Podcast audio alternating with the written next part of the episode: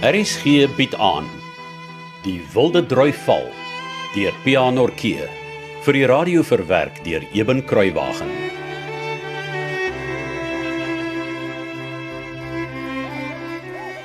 Ja, dit was dan baie gaaf van Flossie om ons te help om ons boeke so netjies oor te trek met die valpapier, né? Ja, ek moet sê, partykeer is my twee susters nie te sleg nie. Ah, ek dink jy's gelukkig. Ek hou van hulle albei. hey, jy het my toe nooit klaar vertel van Donkerkloof nie, onthou jy? O ja, So gaan jy my nie klaar vertel nie. wat wil jy weet? Maar jy's die een wat gesê het jy sal my later vertel.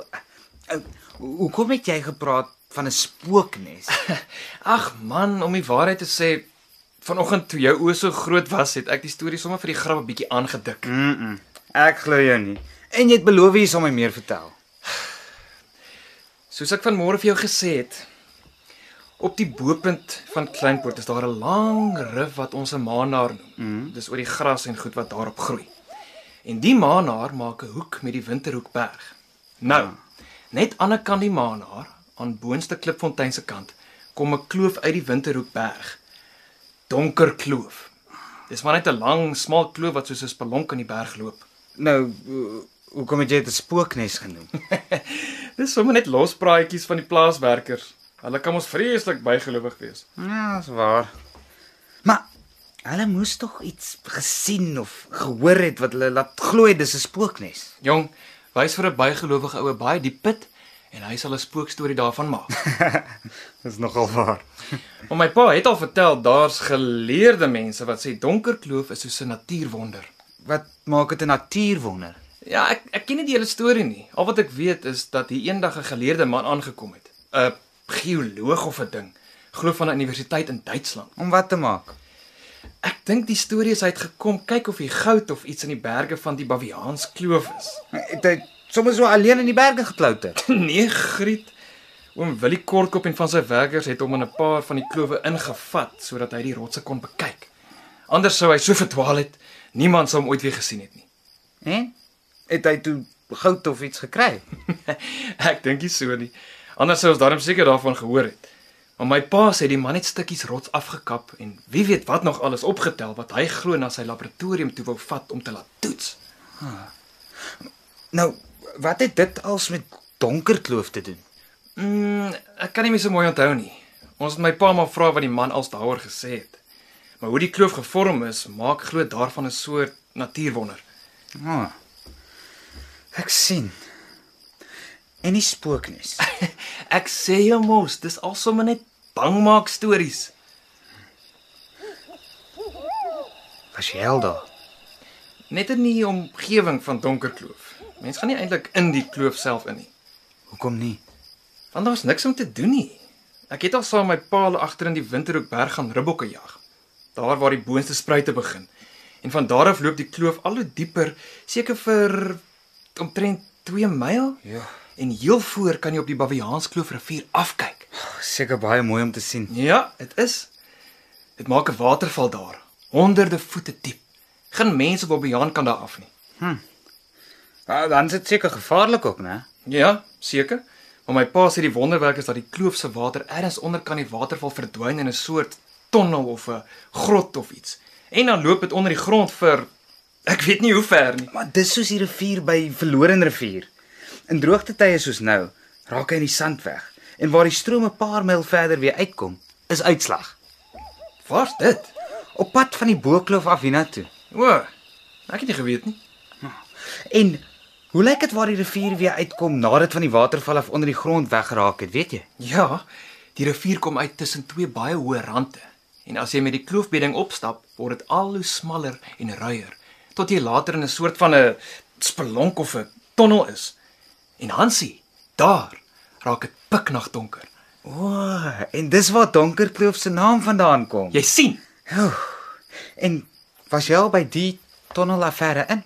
nog net een keer saam met Diek van oom Richard Norkee. En ook maar net 'n eentjie, want dit het te donker geraak en ons het niks by ons gehad wat kon lig maak nie. Nou verstaan ek hoekom mense nie te veel soontoe gaan nie. Tussen jou en my gesê, ek was eintlik ook maar bly ons het niks gehad wat kon lig maak nie. Hoekom? Was jy bang? Nee, Maar dit ruik benoud en as mens praat, klink dit hol, jy weet, soos in 'n grot. En dit is grillerig, want daar's duisende vlermuise wat aan mekaar piep en skree. Of ja, vlermuise is grillerige goed. Veral as daar so baie is. Mhm. maar hoekom sê oom Hendrik sy veewagter het bang geword vir spore of iets? Ou Dampies is nou net die soort ou wat 'n spookstorie in 'n baie diep put sal sien, of met donker maan in 'n koeistal. Uitlik Ja, daar snaakse ou. Hy is jy sal hom dalk sien as ons nou om Hendrik se nuwe Lemetfort gaan kyk.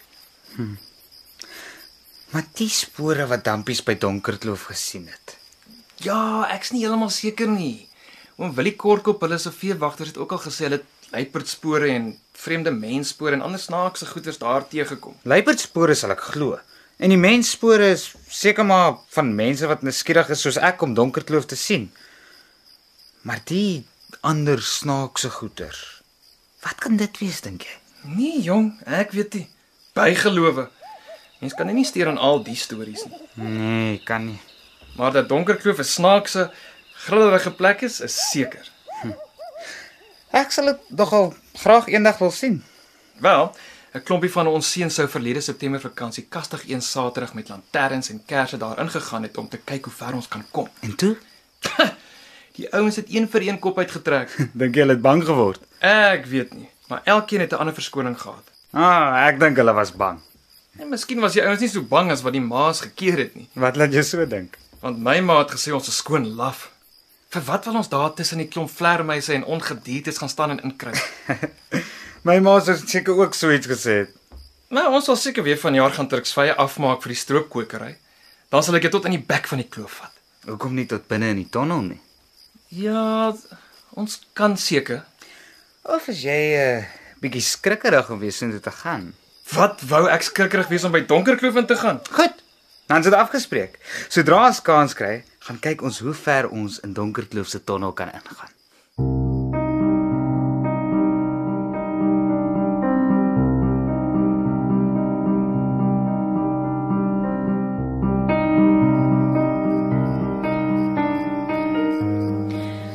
Is Paul in die bed? Ja. Ek dink die ry ry skool toe met ou Bani se kapkar en die opwinding van die dag het hom heel uitgeput. Fooi tog, arme pa.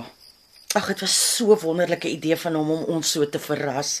Ek sal dit nooit vergeet nie. Ja, nee, ek ook nie. Hmm, Hoekom sê maar dit so? So snaaks. Nee, nee, ek sê dit gesnaaks, nee. Ek dink maar net hoe lekker dit was. O, Maar sê eers vir my, ehm um, is die Kosie Schreder tog nie vir jou so agter mekaar kereltjie nie? Hm? hoe bedoel maar nou? Nee, Jy kan sommer sien as 'n raakvatter daai. Hy's 'n man wat weet wat hy wil hê en hy gaan goed wees vir die onderkloof. Ja, ek dink ook so. Ja.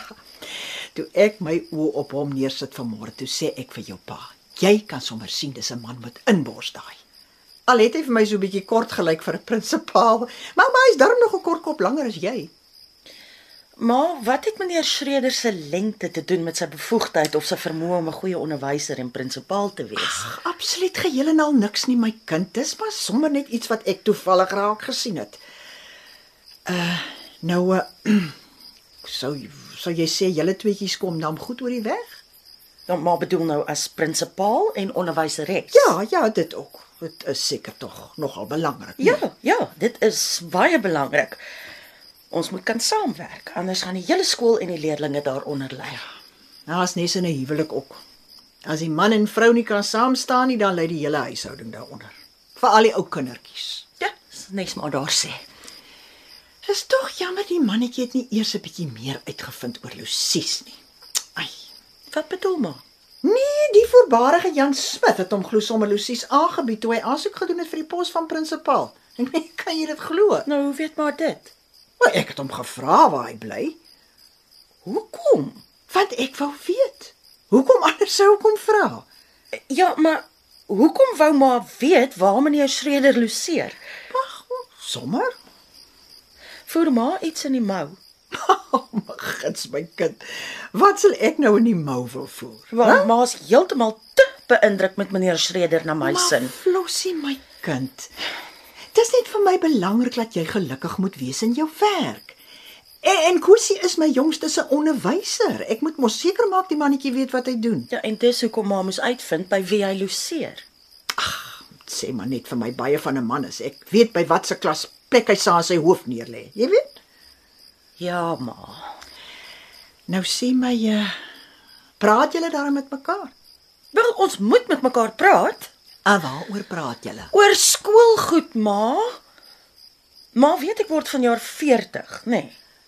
Ja, my kind, maar al te goed. En ma besef meneer Schreder is seker 'n goeie 6 of meer jaar my junior. Besef maar dit. Ja. En wat daarvan?